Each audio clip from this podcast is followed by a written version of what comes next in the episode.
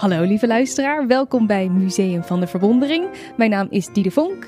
En ik ben Diederik Jekel. We zijn weer terug in Pieter Tijlers huis. Heel fijn om er weer te zijn. We staan weer in de grote zaal waar we in de vorige aflevering vlak voor de opening ook stonden. Daar hadden we het toen over al die mooie quotes die hier om ons heen staan. En toen kwamen nog allemaal werklieden voorbij met, met ladders. En was iedereen nog in een soort halve blinde paniek van krijgen we het op tijd af. Maar nu is een soort serene rust nedergedaald. Dat is wel heel prettig. Pieter Tijlers huis is dus het voormalige woonhuis van Pieter Tijler, de grondlegger van dit museum. En we zijn dus weer terug met drie nieuwe afleveringen waarin we echt duiken in de geheimen van Pieter Tijlers huis en in wat er allemaal ontdekt is tijdens de restauratie. Ook spreken we vandaag met Philip Akkerman. Hij is de schilder van de zes portretten van Pieter Tijler, die ook hier in het huis hangen. En hij vertelt over de zes verschillende kanten van Pieter. Ook spreken we met Marleen Ram, conservator kunst. Ja, conservator kunst. Ja, ik vind het heel erg leuk. Want eigenlijk is dit een beetje de Sherlock Holmes aflevering van, van onze podcast volgens mij. Hoe mensen echt op zoek gaan naar bonnetjes en dat soort dingen. Dus alles wat je in Sherlock Holmes boeken tegenkwam, dat, dat doen zij dan professioneel en betaald. En uh, om mooie dingen te maken. dus, dus je zou kunnen zeggen, hoe kan je nou een vetter werk hebben dan dat? En ik, ik moet zeggen, ik was hier met mijn schoonfamilie een paar weken geleden. En um, om, om te laten zien hoe mooi het, het huis natuurlijk geworden is. Maar het, het rare is, nou hebben wij een, een hele podcast die we samen aan het maken zijn. Hebben allerlei boeken erover gelezen enzovoorts. Maar ik, ik kwam in het, in het Pieter en het Tijlershuis in het, in de mooie grote zaal. En het was me iets helemaal nog niet opgevallen, waar ik nu pas uh, achter kwam. Eigenlijk dankzij uh, uh, Marleen. Die heeft namelijk die verteld dat het tapijt waar je dus oploopt, dat is dus gewoon een origineel tapijt. Dat is dus niet, niet zeg maar nagemaakt. Het ziet er namelijk nog hageltje nieuw uit. Ja. Maar dat, dat komt gewoon uit ergens uit de tijd 1830, 1850. Um, en, en dat is gewoon in, in Nederland gewoon gemaakt. In de Deventer tapijtfabriek. Uh, 19e eeuwse firma. Die heeft gewoon gigantische hoeveelheden uh, tapijten gemaakt. In het Rijksmuseum in Amsterdam. Daar zie je gewoon nog de ontwerptekening. Zou je uh, kunnen zien. Dat wordt daar bewaard. Uh, waarop je dus dat motief kan zien. Waar dit tapijt op gebaseerd is. Nou, het ziet er super vet uit. Maar eigenlijk vind ik dat dus zo gaaf in het hele idee van dat de geschiedenis weer tot leven komt. Dat je echt even in de geschiedenis kan stappen, letterlijk in dit geval. Want je, je loopt dus over een, een tapijt wat dus, dus, dus ja. bijna 200 jaar oud is. Voelt bijna oneerbiedig om hier zo met mijn schoenen ja, op te staan. Toch? Ik bedoel, ik zou wel zeggen, mocht je dit nou horen, voordat je, voordat je naar het Piet gaat, ga wel even je voeten vegen. Ja, zorg inderdaad. er wel even voor dat die kauwgom gewoon van je schoen af is. Geen modder, geen Loop boswandelingen om die van tevoren. heen, zeg maar. Dat moet je wel echt even zeker weten, absoluut. En, en ga ook vooral, want dat is natuurlijk heel erg gaaf. Er staan, staan een paar prachtige uh, uh, blauwe uh, stoelen tegen de muur aan. ja, ik, ik heb er wel eens op gezeten totaal niet doorgehad dat dat dus ook origineel is. Je moet echt eventjes, als je nou het gevoel hebt, ik wil met mijn kont waarschijnlijk DNA aangeraakt hebben van, van 200 jaar oud, dan, dan moet je dat zeker doen. Want die, die stoelen uit de grote zaal, dat, die, daar zijn gewoon 18e eeuwse aankoopbewijzen van gevonden. Dus ik, het, het is weer gewoon een, een feestje om hier rond te lopen. En elke keer zijn er maar allerlei details die je, die je anders niet ziet. En, en daarom vind ik het zo super vet dat we um, met uh, Marleen Ram, uh, dus die conservator kunst, gaan, gaan praten. Want ja, die, zij heeft dus die taak op zich genomen om allemaal te kijken wat er nou bewaard is gebleven uit die periode dat, dat Pieter Tyler in, in, in het huis woonde. En die is dus letterlijk de kelder in gegaan. En, en volgens mij gaan wij dat dus ook doen. Absoluut. En gaat zij ons gewoon laten zien wat er nog allemaal verstopt is aan, aan pracht en praal. Ja, best wel spannend. De Ja, kelder toch? in bij Pieter Tyler. Dit is gewoon Indiana Jones en Sherlock Holmes in één aflevering. Kijk, ik heb er zin in. Ik ook. Let's go. Ja, klaar? Oké. Nou, we gaan de lift in. Ja, Kom verder. dankjewel. Ja, we zijn hier met uh, conservator kunst Marleen. En we mogen met jou de kelder in. Oké, okay. uh, we zijn beneden. Twee grote houten deuren. Laten we naar binnen gaan. Het is altijd even zoeken naar het lichtknopje hier, want het zit hier om de hoek. Oh, het is heel donker, ja. Kijk, Kijk, wat groot. Hoe koud ook gelijk. het is meteen ik. wat kouder. Ja, het ruikt ook een beetje anders. nou, ik kwam hier dus, ja, wanneer was het? In 2019 uh, voor het eerst. En toen uh, kreeg ik de taak om uh, te kijken wat voor meubels hier stonden. Maar dit, dit zijn ook allerlei heel erg veel moderne dingen die je ook in een kelder van een schoolgebouw zou kunnen zien. Ja, Van die ja. stoeltjes die je aan elkaar vast kan maken zodat ze niet omvallen. Een steekwagentje. Die zijn niet eh, Pieter Tylers. Ja, eh, ook allemaal tijd. materiaal voor tentoonstellingen. Dit is onze grote opslagruimte. eh, ja, dus eigenlijk voor, voor allerlei spullen. Waaronder ook de, de huisraad van Pieter Tylers huis. Dus eh, de, alle meubels die in 2013 uit het huis zijn gehaald, zijn hier destijds opgeslagen. En wat voor soort meubels waren dat dan? Meubels die ook uit 2010 kwamen of ook echt de hele oude... Het, alles, ja. Het is echt een, Alles. een, een, eh, een hele een ruimte geweest. Het huis is eh, eeuwenlang gebruikt. Dus er stonden inderdaad bureaustoelen, maar ook eh, dus hedendaagse bureaustoelen, maar ook stoelen uit de, de 18e eeuw. Dus gewoon twee dus- eeuwen huizenraad Ja. gewoon hier terecht. Ja, precies. Dat werd allemaal hier in deze ruimte opgeslagen. En een heel veel, ja, een groot deel staat er nog. Want eigenlijk is maar 10% weer teruggegaan het huis in. Omdat anders eh, ja, eigenlijk niet te doen zou zijn voor de huidige bezoeker om daar doorheen te ja. manoeuvreren. En, en jij bent als een soort geschiedkundige Marie Kondo aan het werk gegaan om te kijken wat jouw joy gesparkt heeft, zeg maar. Ja, ja, precies. Ja, en dan hopelijk eh, op bijzondere eh, stukken stuitend. Ja, ja, dat was wel mijn doel hier eh, toen ik hier twee jaar geleden begon eigenlijk in, in deze zoektocht. Want ja, we kunnen even er doorheen lopen, want daar helemaal aan het einde, in dat donkere deel, daar stond het meeste van de huisraad uit Pieter Tylers huis. En daar is ook geen licht.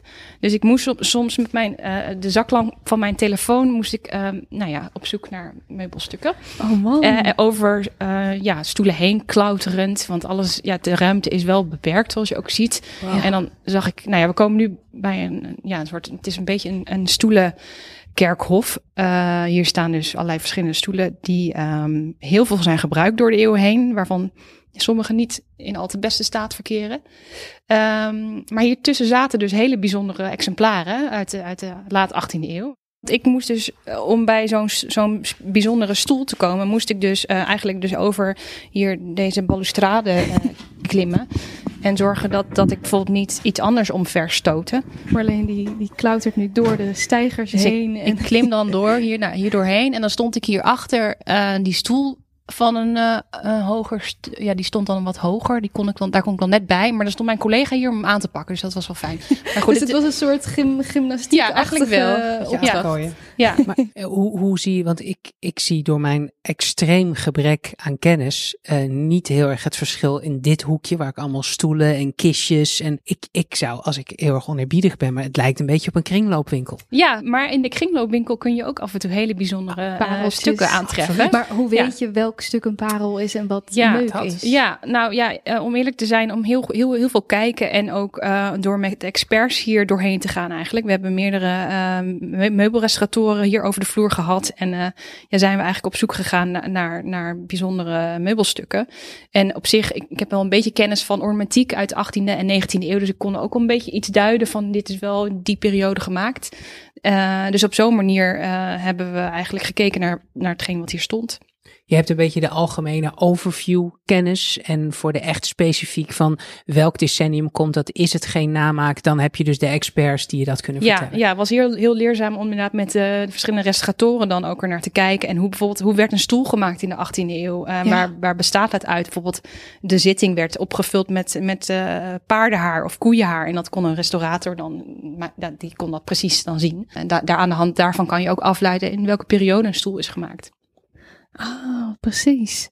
Maar dat is voor jou dus ook een enorme leerschool geweest van nieuwe dingen ontdekken. En, eh, Ja, absoluut. Ja, ja, nee, het was een bijzondere ehm, ja, opdracht eigenlijk die ik heb gekregen. Ook om na te denken van waar al die verschillende meubelstukken dan in het huis terugkomen. Want we hebben wel gekeken van nou, deze stoel komt uit de laat 18e eeuw. Dus die, dat is neoclassicistisch. Die past mooi in de grote zaal die we ook zo zullen zien. Ja, het is eigenlijk maar een beperkt aantal decennia wat je kwijt kan, denk ik, in het, in het huis. Toch om het één gevoel te geven, kan ik me voorstellen. Nou, het is wel een mix van verschillende stijlen eh, geworden. Kijk, we- de bureaustoelen hebben we niet meer teruggeplaatst. nee. Eh, maar wel, eh, ja, de, je ziet ook bijvoorbeeld straks eh 19e eeuwse stoelen in, in dan ook in een 18e eeuwse ruimte staan.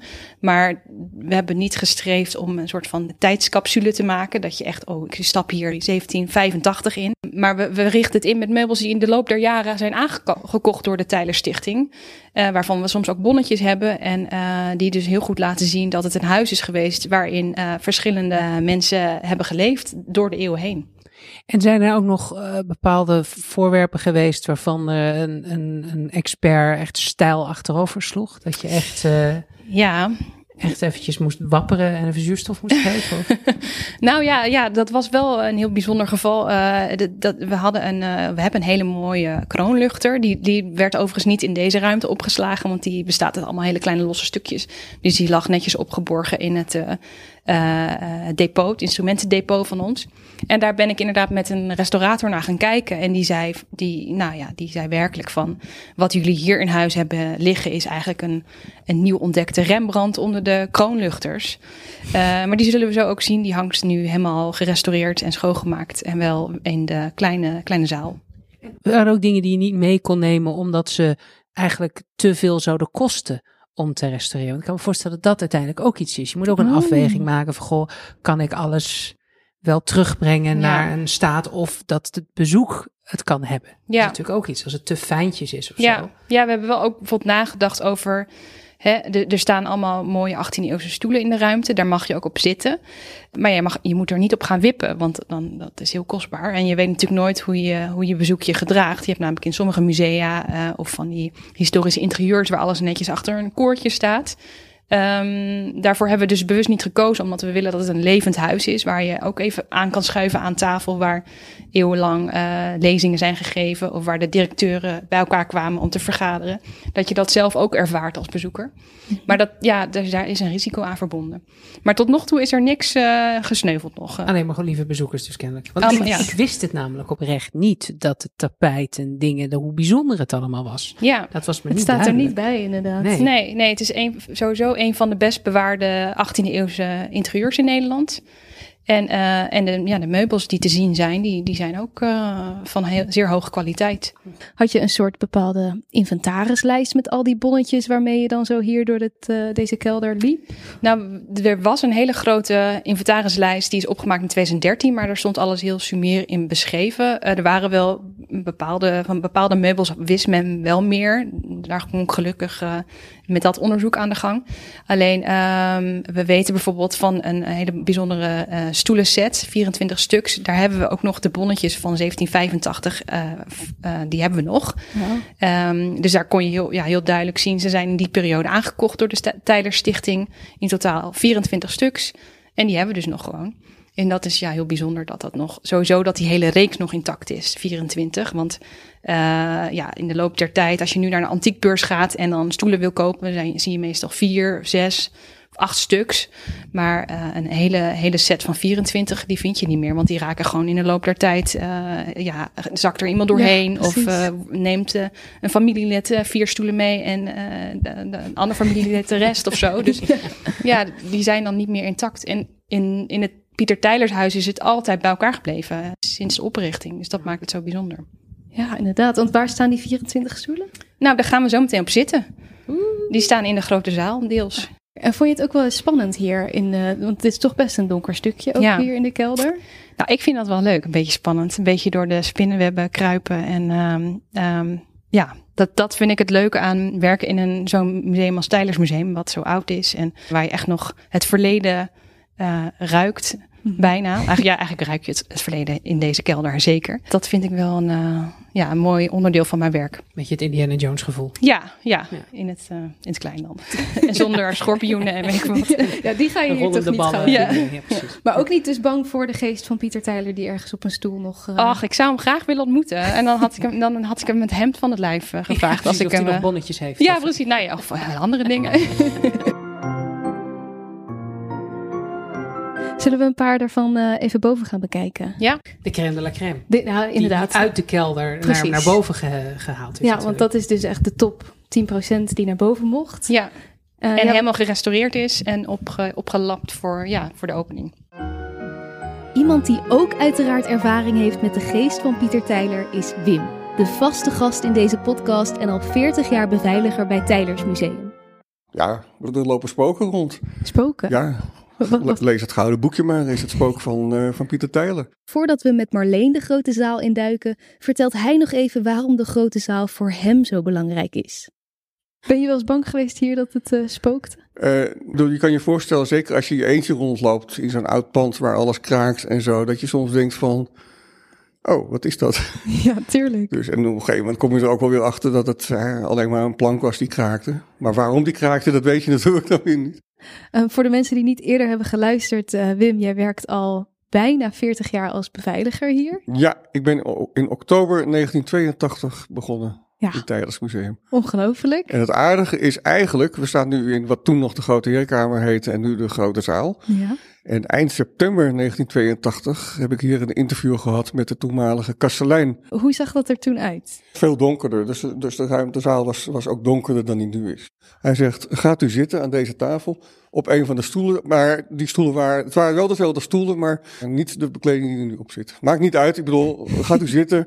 En er werden allemaal vragen gesteld die ik beantwoordde. Nou ja, ik bedoel, als ik toen niet geen ja had gezegd op de vraag, houdt u van kunst? Ik bedoel, ja. Hadden we hier nu niet gestaan. Uh... Had ik hier niet gestaan. Oké, eerste dinsdag oktober stond ik weer aan te bellen bij de voordeur en uh, ben ik begonnen hier. En, uh, dus dus mijn, ja. mijn, mijn eerste wortels in Tijdens Museum liggen dus eigenlijk in de grote zaal waar wij nu even staan op dit moment. Precies, de grote zaal, de eerste zaal waar je binnenkomt als je Pieter Tijdens huis betreedt vanaf het museum. Ja, tegenwoordig wel. Kijk, vroeger natuurlijk, toen er nog geen ovale zaal was en de mensen in de Damstraat binnenkwamen, ja. was het eigenlijk de laatste zaal die je zag. Precies, dan kwam je via die grote marmeren ja, gang. Langere gang. Ja.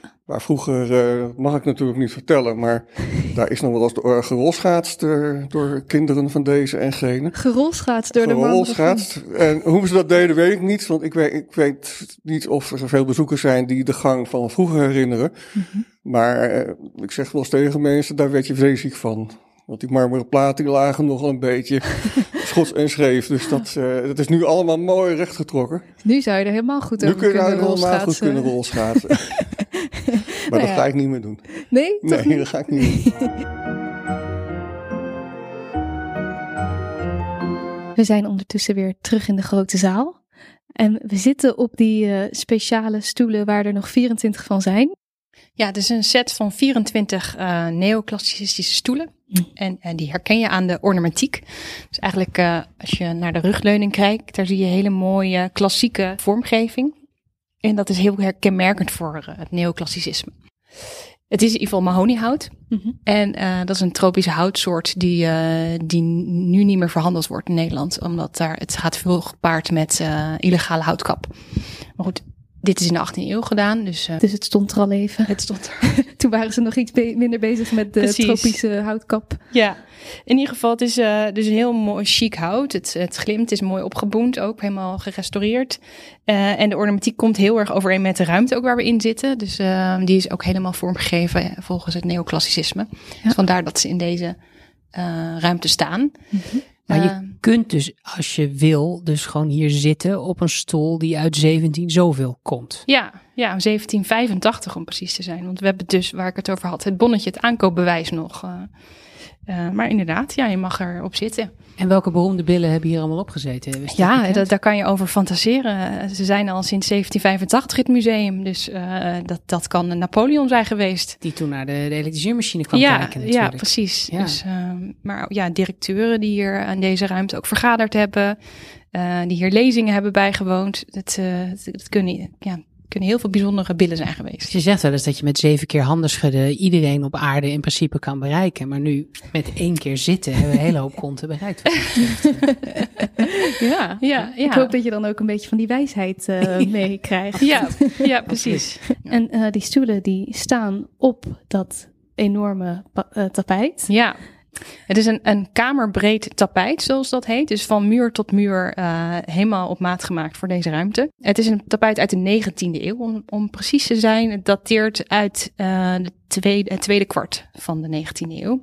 En het is een, een Deventer tapijt, gemaakt in de Deventer tapijtfabriek. Dat is een hele grote fabriek die in de 19e eeuw heel, ja, uh, heel, heel, hele grote kamerbrede tapijten maakte, maar ook vloerkleedjes uh, voor, of lopers voor in de gang. Dus alle, allerlei verschillende soorten tapijten maakten zij. En uh, dit is heel bijzonder dat het nog in zijn, in zijn geheel hier in deze ruimte ligt. Want uh, zoals je misschien kunt voorstellen, slijten tapijten. Ja, um, maar het ziet er gloednieuw uit. Ja, het is helemaal gerestaureerd voor, voor um, de opening van Pieter Tijlers huis. En het is wel leuk om te laten zien um, op de plekken waar de restauratie plekken zitten. Ja. Dus ik, eigenlijk nodig ik jullie uit om even op de knieën te gaan eh, zitten en Leuk. op zoek naar plekken die dus gerestaureerd zijn. Eh, ik kan alvast een hint geven. Daar een beetje bij, bij het raam. Ik zie volgens mij wel een verschil tussen dit uitstulpseltje en die. Ja, wat, Is wat, dat- wat is het grootste verschil? Nou, daar loopt de kleur he- helemaal door. Daar zijn de, dus ja, ik weet niet zo goed, ik weet niet veel van tapijt, maar mijn gevoel zegt me dat de stikseltjes die gedaan zijn nog breder zijn of zo. Dat het een, Ja, daar, daar zat dus een gat in, dat is gerestaureerd. Om dus het onderscheid te maken tussen de originele bekleding en dus de restauraties, eh, is ervoor gekozen om de restauraties veel grover vorm te geven. Dus je ziet hier eigenlijk een heel grof patroon. Het is bijna alsof het pixels zijn. Ja. Terwijl eigenlijk eh, hetgeen wat wel nog origineel is, is veel verfijnder. En eh, ja, het is eigenlijk net alsof je naar gewoon tapijt zit te kijken met, met een hele hoge dichtheid van pollen. maar dat is wel heel interessant. Dus het is gekozen om het, om het restaureren allereerst zichtbaar te, te houden. En ten tweede ook nog eens een keertje minder mooi te maken dan wat het origineel was. Eigenlijk. Of minder mooi, ja, dat is misschien heel normatief. Maar het bedoelt is niet. Het, het had beter, je had beter je best kunnen doen om het dat te benaderen, zeg maar. Ja, we, we hadden ervoor kunnen kiezen inderdaad om het zo, zo, ja, zo nauwkeurig mogelijk en zo precies mogelijk te laten restaureren. Maar dan speel, ja, speel je eigenlijk een beetje vals. Want dan, dan wek je de indruk dat, je, dat het hele tapijt zo glo- gloednieuw is en, en mooi. Terwijl er eigenlijk gewoon gaten in zaten. En we wil- vinden het belangrijk om te laten zien van hier houdt het originele tapijt op en hier begint de restauratie. Maar sowieso vind ik het wel heel bijzonder dat jullie dus, dus eh, duizenden mensen toestaan om over een, een tapijt uit, uit 1825 tot 1850 te laten lopen. Ik bedoel, Ja, uiteindelijk is het met elk schilderij ook zo, toch? Dat, dat op het moment dat je tentoonstelt, dan stel je het ook tentoon aan licht en vervuiling en, en eventueel publiek wat gekke dingen zou Ja. kunnen doen. ja absoluut. Dat ja. is een afweging die je altijd moet maken. Ja. ja, je kan er ook voor kiezen om het op te rollen en in de kelder te leggen, waar het dus eh, al die tijd eh, heeft gelegen. Maar dan kan niemand ervan genieten. En eh, kijk, je moet wel eh, niet met je baggerschoenen hier naar binnen lopen. Het is wel, er wordt al op gelet dat je hier niet met modder door, de, door de zalen gaat lopen. Maar Ja, wordt daar wel naar gekeken? er wordt wel op gelet, inderdaad, dat je niet met ook paraplu's mogen niet naar binnen. Het, zeg maar, het water is natuurlijk funest voor, voor tapijt ook. Ehm, maar we willen toch wel in de originele context tonen. Dus ja, dan is er een risico dat eh, het tapijt op den duur een beetje slijt. Ja.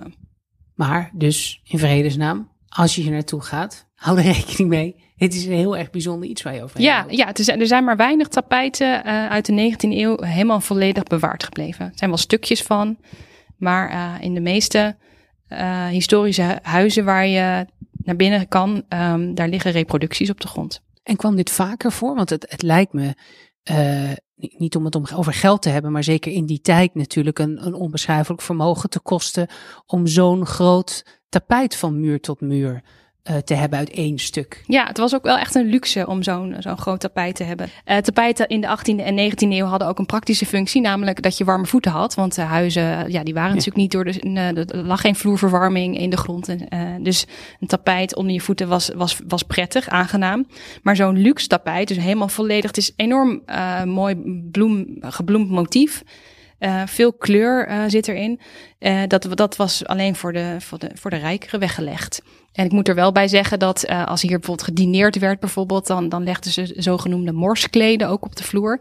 Zodat als jij per ongeluk je glas wijn omstootte, dat dat dan op het morskleed viel. En het, het mooie, eh chique tapijt eronder bespaard, eh, gespaard bleef. Ik wil Oh, vandaag de dag ook wel weer een morskleed ook wel weer introduceren. eigenlijk. ik kan het best gebruiken. Ja. Ja, ik ook wel. Ja. Ik weet wel een- nog een interessant feitje wat dan naar boven kwam toen eh, bij het onderzoek naar dit tapijt. Is dat ehm, eh, in het Rijksmuseum worden heel veel ontwerptekeningen bewaard van de Deventer tapijtfabriek. En daar heb ik eh, de ontwerptekening voor dit specifieke tapijt teruggevonden. Eh, en het grappige is dat je Ehm, dat is dus een, een tekening waar de originele kleuren nog heel goed zichtbaar zijn. Eh, want dit tapijt is verkleurd. Ik weet niet of jullie dat is opgevallen. Namelijk ehm, de, deze een beetje beige-achtige kleuren. Mhm. eh, dat was vroeger blauw.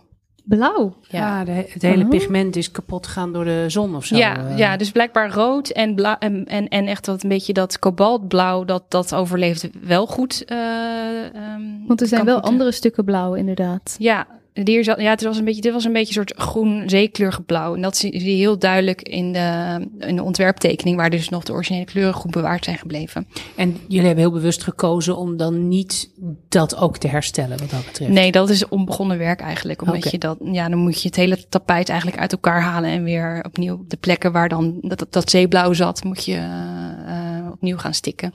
Het is zo grappig dat we allemaal ook collectieve herinnering aan, aan dingen hebben, zoals Griekse standbeelden, dat die prachtig wit zijn of zo.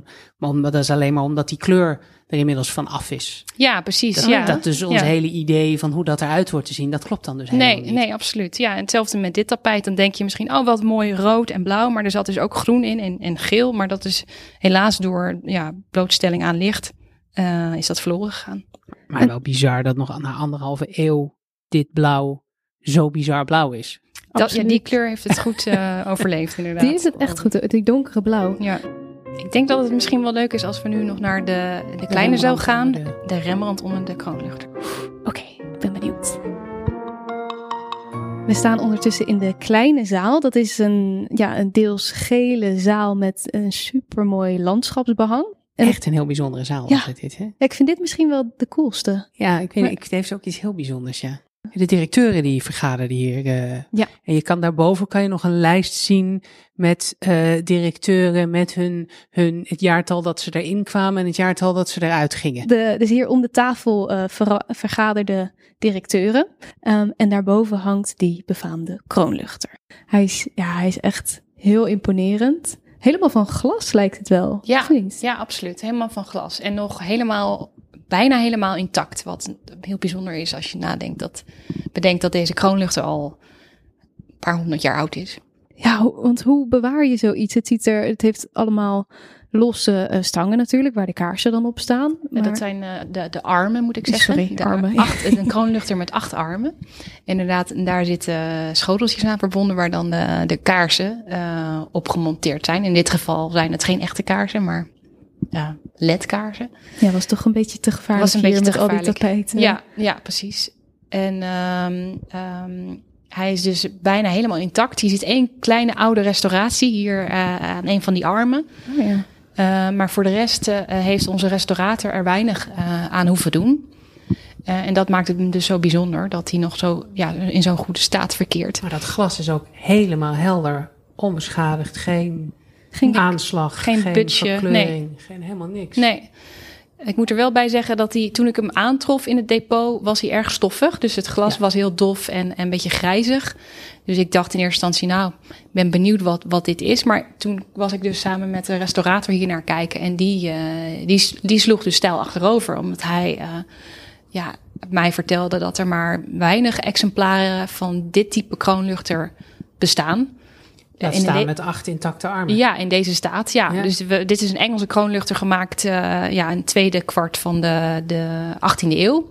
Um, en ja, een hele bijzonder, een heel bijzonder exemplaar. En hoe, hey, want dit is, dit is dan dus de nachtwacht onder de kroonluchters, zeg maar. Eigenlijk, wa- wat is de, de Rembrandt van de kroonluchters? Wie heeft hem gemaakt? Dat is Ja, de, dat, dat weten we niet precies, want dat, dat is heel, heel vaak niet bekend. Ah, Eh, dat waren Oh. ambachtslieden eigenlijk die niet hun stukken signeerden. ah, er is niet een, een, zoals wij nu sommige designers hebben, van het is een Eames-stoel of zo. Dat was minder in die tijd wat ja, dat betreft. ja, eh. eigenlijk al dit soort eh, objecten, toegepaste kunst noemen we dat, die, eh, die zijn nou, hele zeldzame gevallen. Weten we wel wie het, wie het heeft gemaakt, Dus, maar in dit geval niet. Het idee dat dus design in voorwerpen en meubels een bekende creator heeft, dat is een heel recent gegeven eigenlijk. Ja, nou je had wel ook bijvoorbeeld in de 17e eeuw bekende zilversmeden bijvoorbeeld. Eh, die dan eh, ja, een eigen stempel op hun, eh, het stuk maakten, zetten. Letterlijk. Wat ze, ja, precies. ja. Ja. En, eh, maar dat zijn uitzonderlijke gevallen. Dus als je in de kleine zaal komt, even heel goed naar boven kijken. Ja, absoluut. Ja. En, en je voorstellen hoe hier dan vroeger allemaal kaarsen in zaten. En, en dat eigenlijk alleen voor hele bijzondere gelegenheden, eh, gelegenheden die kaarsen aan werden gestoken. Want het was een heel karwei om dat te doen. Je moet er Eh, ook wel bij blijven. je moet erbij blijven. Dus het werd alleen gedaan als er bijvoorbeeld ja, grote gezelschappen over de vloer waren. Als je hier in je eentje gewoon zat te dineren, dan uh, werd niet de hele kroonlucht erop ge, opgetuigd. En hoe ga je als conservator om met uh, wanneer vind je dat je genoeg gezocht hebt? In die zin, er zijn sommige dingen waar we nooit meer achter komen. Bijvoorbeeld wie dit gemaakt heeft. Maar ik kan me voorstellen dat je als conservator gek wordt, uh, in je bedje ligt. En toch nog een keertje online op een andere manier gaat zoeken om daarachter te komen. Hoe, wanneer denk je, ja nee, dit weet ik gewoon niet? Ja, dat is altijd lastig om jezelf een hal toe te roepen als je onderzoek doet. Um, nou, ik vind bijvoorbeeld het voorbeeld met, die, met dat vloerkleed wat ik jullie net liet zien, uh, Deventer vloerkleed. Uh, ik, weet, ik weet dat de collectie, uh, dat het Rijksmuseum die ontwerptekeningen bewaart. En ik dacht van ja, het ontwerp moet daar gewoon tussen zitten van het kleed wat wij hebben. Dus ik, ik ben net zo lang blijven zoeken tot ik hem had gevonden. Maar goed, als je niet echt een, een, een als je geen hypothese hebt. Je moet een aanknopingspunt hebben. Ja, er moet een aanknopingspunt zijn. En, uh, en soms moet je gewoon echt vertrouwen op de kennis van specialisten. Want ja, ik weet niet heel veel van, uh, van 18e-eeuwse kroonluchters. Uh, en dan schakel je die kennis gewoon in. Er was volgens mij nog iets dat ontdekt was tijdens de restauratie. Waar je ons nog iets over kan vertellen. Ja, mogelijk het portret van de, de schoonfamilie van Pieter Tyler. Hangt maar dat hier ook nog ergens? Het hangt in de ruim, ruimte hiernaast. Oké, okay, laten we daar even heen lopen. Voordat Marleen ons vertelt over dit geheimzinnige portret in de voorkamer en nog iets heel bijzonders dat opeens uit een klemmende la opdook, spreken we eerst in diezelfde ruimte met Philip Akkerman. Hij schilderde de zes portretten van Pieter Tyler die je daar ziet hangen. Wie bent u en hoe bent u met uh, Tylers Museum in aanraking gekomen? Um, ik ben kunstschilder en ik schilder alleen maar zelfportretten. Oh, voor Pieter Tyler maakte u een uh, uitzondering. Ja, uh, als jongetje ging ik me voor kunst interesseren. Mm -hmm. En uh, ging ik op tiende tour langs de Nederlandse musea. En ook naar het Tijdens Museum. Maar toen zei me nog niet zo heel erg veel. Maar het is wel een soort uh, mythisch museum was het toen.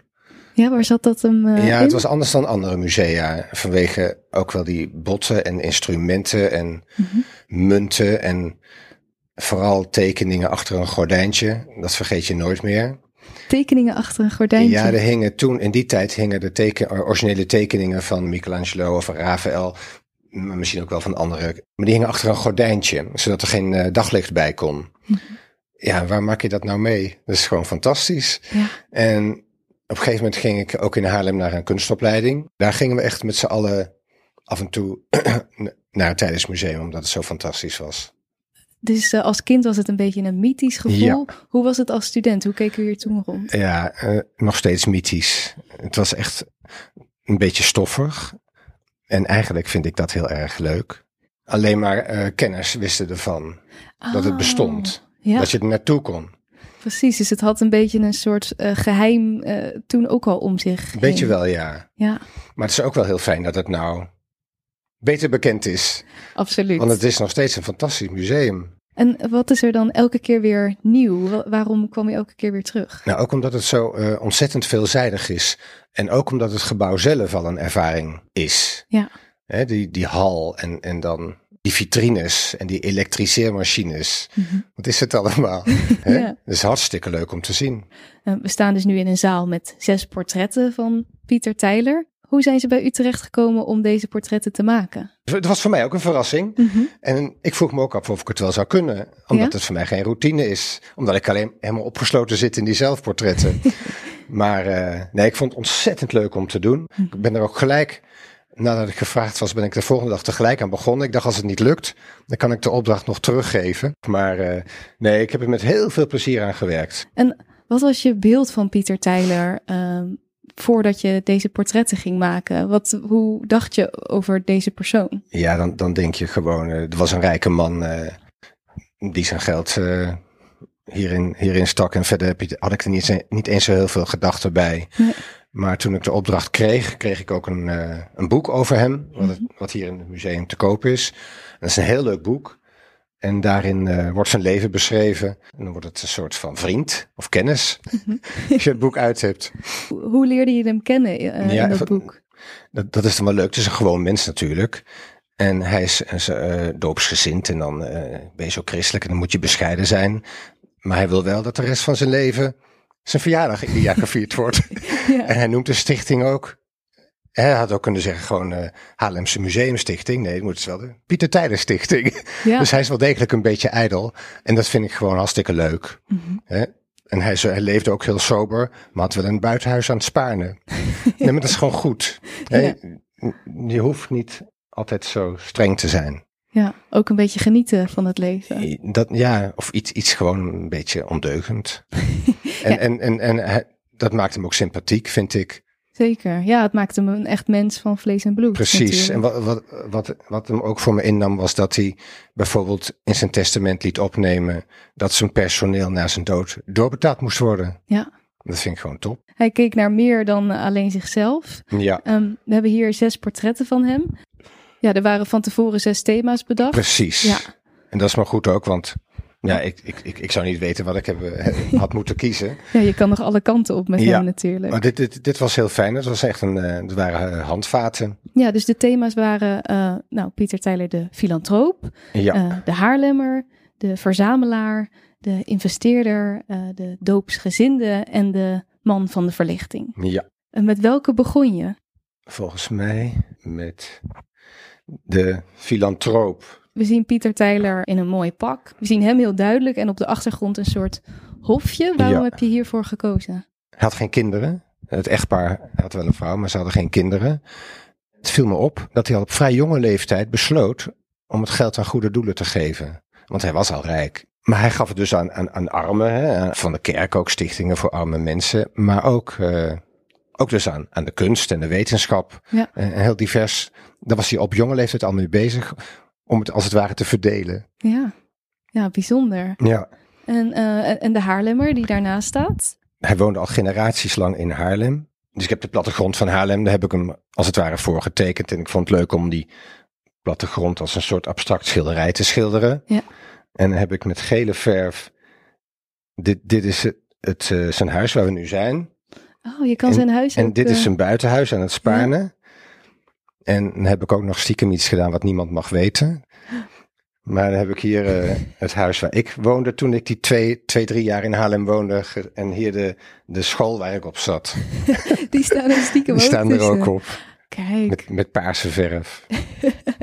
dus we zien in ieder geval Pieter Tylers huis en ook wat eh stiekeme toevoegingen Ja, van dat de kunstenaar. Dat lijkt me leuk. Ehm, en eh, daarnaast de verzamelaar.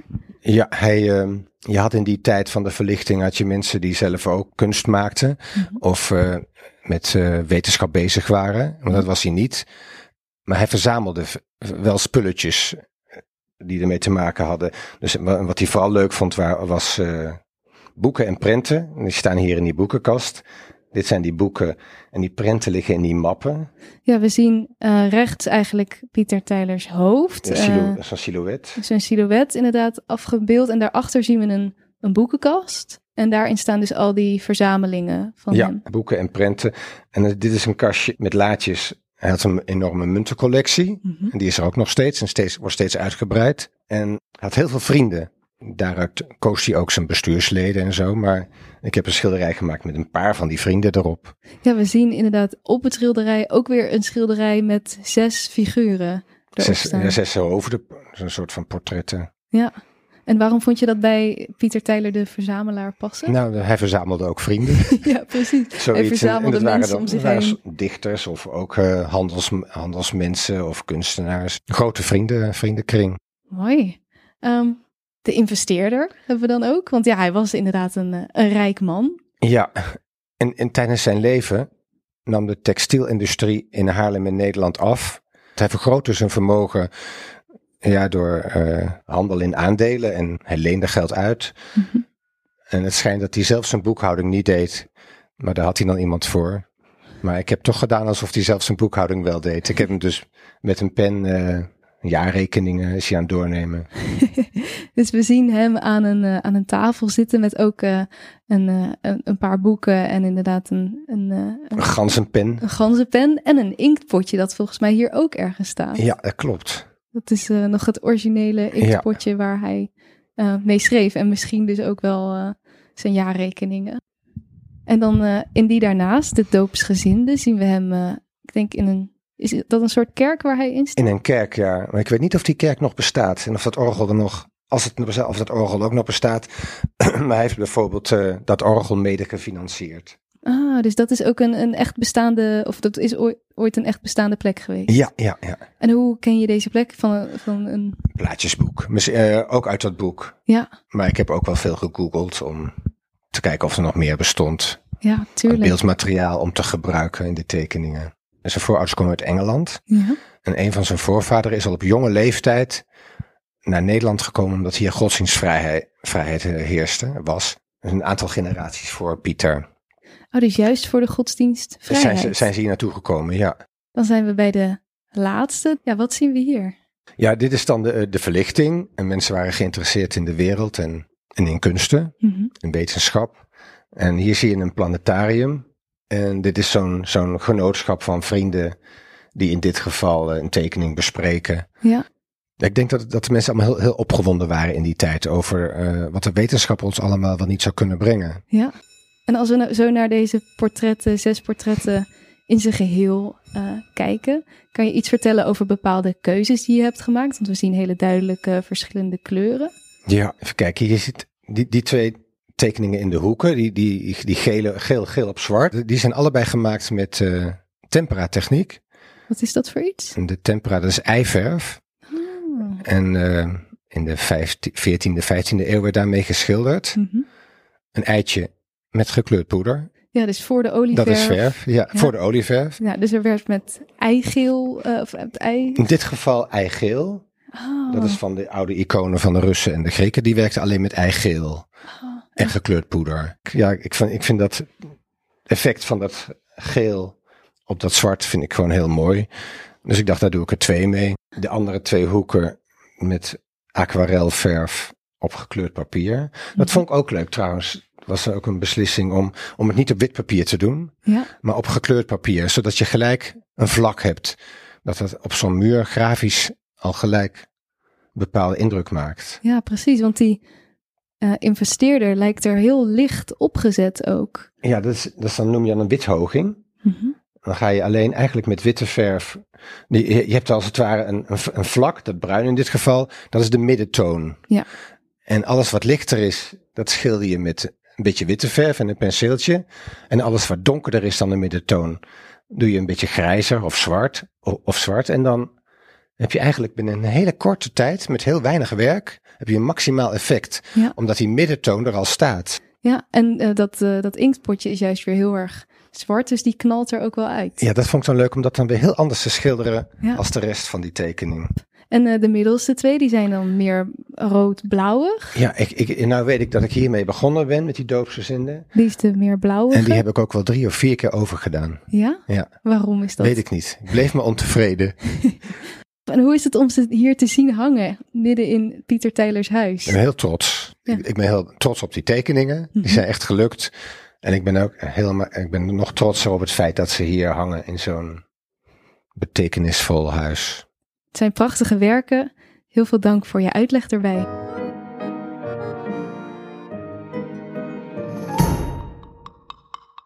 Wat zien we hier? Uh, ja, we staan voor een, uh, een schilderij uh, waarvan we heel lang niet wisten wie het had gemaakt en hoe het in de collectie terecht is gekomen. En het is een, een schilderij wat dateert uit 1700. En dat is heel bijzonder, want eigenlijk verzamelen we geen kunst ouder dan 1778. Dus moment dat de Tyler Stichting is opgericht. Um, dus we, hebben hierover gespeculeerd. Wat kan dit nou zijn? Hoe is dit schilderij nou in, in het museum terechtgekomen? En we denken dat het heel misschien uit de erfenis van Pieter Tyler zelf komt. Dat, dat we eigenlijk zitten te kijken naar zijn schoonfamilie. Dus uh, je ziet nogal statige man met voor hem een uh, wat oudere vrouw op een stoel. Die gezellig een kopje thee drinkt. En uh, daarnaast zit een, een jonge dame. Nou, ik denk dat het nog een kind is eigenlijk, aan de verhoudingen te zien. En uh, waarschijnlijk is dit uh, Helena Verschaven. En dat was de echtgenoot van Pieter Tyler. Ah. Kijk, zeker weten we het niet. Maar ja, wa, wa, wat zou het anders kunnen zijn dan die familie? Ja, van wie ga, ja, wiens familie ga je ophangen? Ja, hoe komt dat schilderij hier? En, en, ja, Waarom wie... is er überhaupt een schilderij van ouder dan. Dat Ja, is, eh, Precies, Ja. ja. En ehm, het, het zilver wat je, wat je daar ziet, is dat ergens in de inventaris teruggevonden? Want dan heb je nog een aanwijzing. Absoluut, dat, zou het, natuurlijk eh, een heel leuk aanknopingspunt zijn, maar ehm, helaas is dat niet het geval. ah. Nee, nee. En het hondje? Het hondje, die hebben we opgezet. eh, nee, die, nee, die is ook niet. teruggevonden. Nee, nee, Zonde. nee. Maar het is wel, was wel leuk, want we hebben eigenlijk we weten heel weinig over Helena Verschaven. En als, ja, dit is misschien een, een jong portret van haar. En als we iets verder lopen hier, dan gaan we eigenlijk de testamentkamer in. Hier ligt op een tafel het testament van Pieter Tyler. Eh, eh, en wat nog wel leuk is om te vermelden, is dat naast het testament ligt het inkstel van Tyler. Ja, die Eh, zien we ook op het portret terug. Ja, precies. Dus die komt echt uit de erfenis van Tyler. En daarnaast ligt een hele recente toevoeging, namelijk ehm, het zegelstempel van Tyler met een stukje rode lak. En eh, het zegelstempel is opgedoken onlangs eh, bij de restauratie van een, eh, een schrijftafel uit, het Pieter Tylers huis. Die is nog niet te zien, want die, is nog, wordt nog gerestaureerd. Maar in een klemmende la zat, zat, zat dat stempel. Oh, die is en- gewoon Wanneer is die klemmende la voor het eerst dan open gegaan? nou ja, onlangs bij de restauratie van, eh, van die tafel. Dus die zegelring die heeft 200 zoveel jaar gewoon eh, Ja, zitten wachten. die heeft daar gewoon eh, in gezeten. Ja, je ziet, als je goed kijkt, zie je het wapen van Tyler erop. Met, met twee panters. En eh, er zat toch een klein stukje eh, rode lak bij. En daar ja, verzegelde je vroeger je, je brieven mee.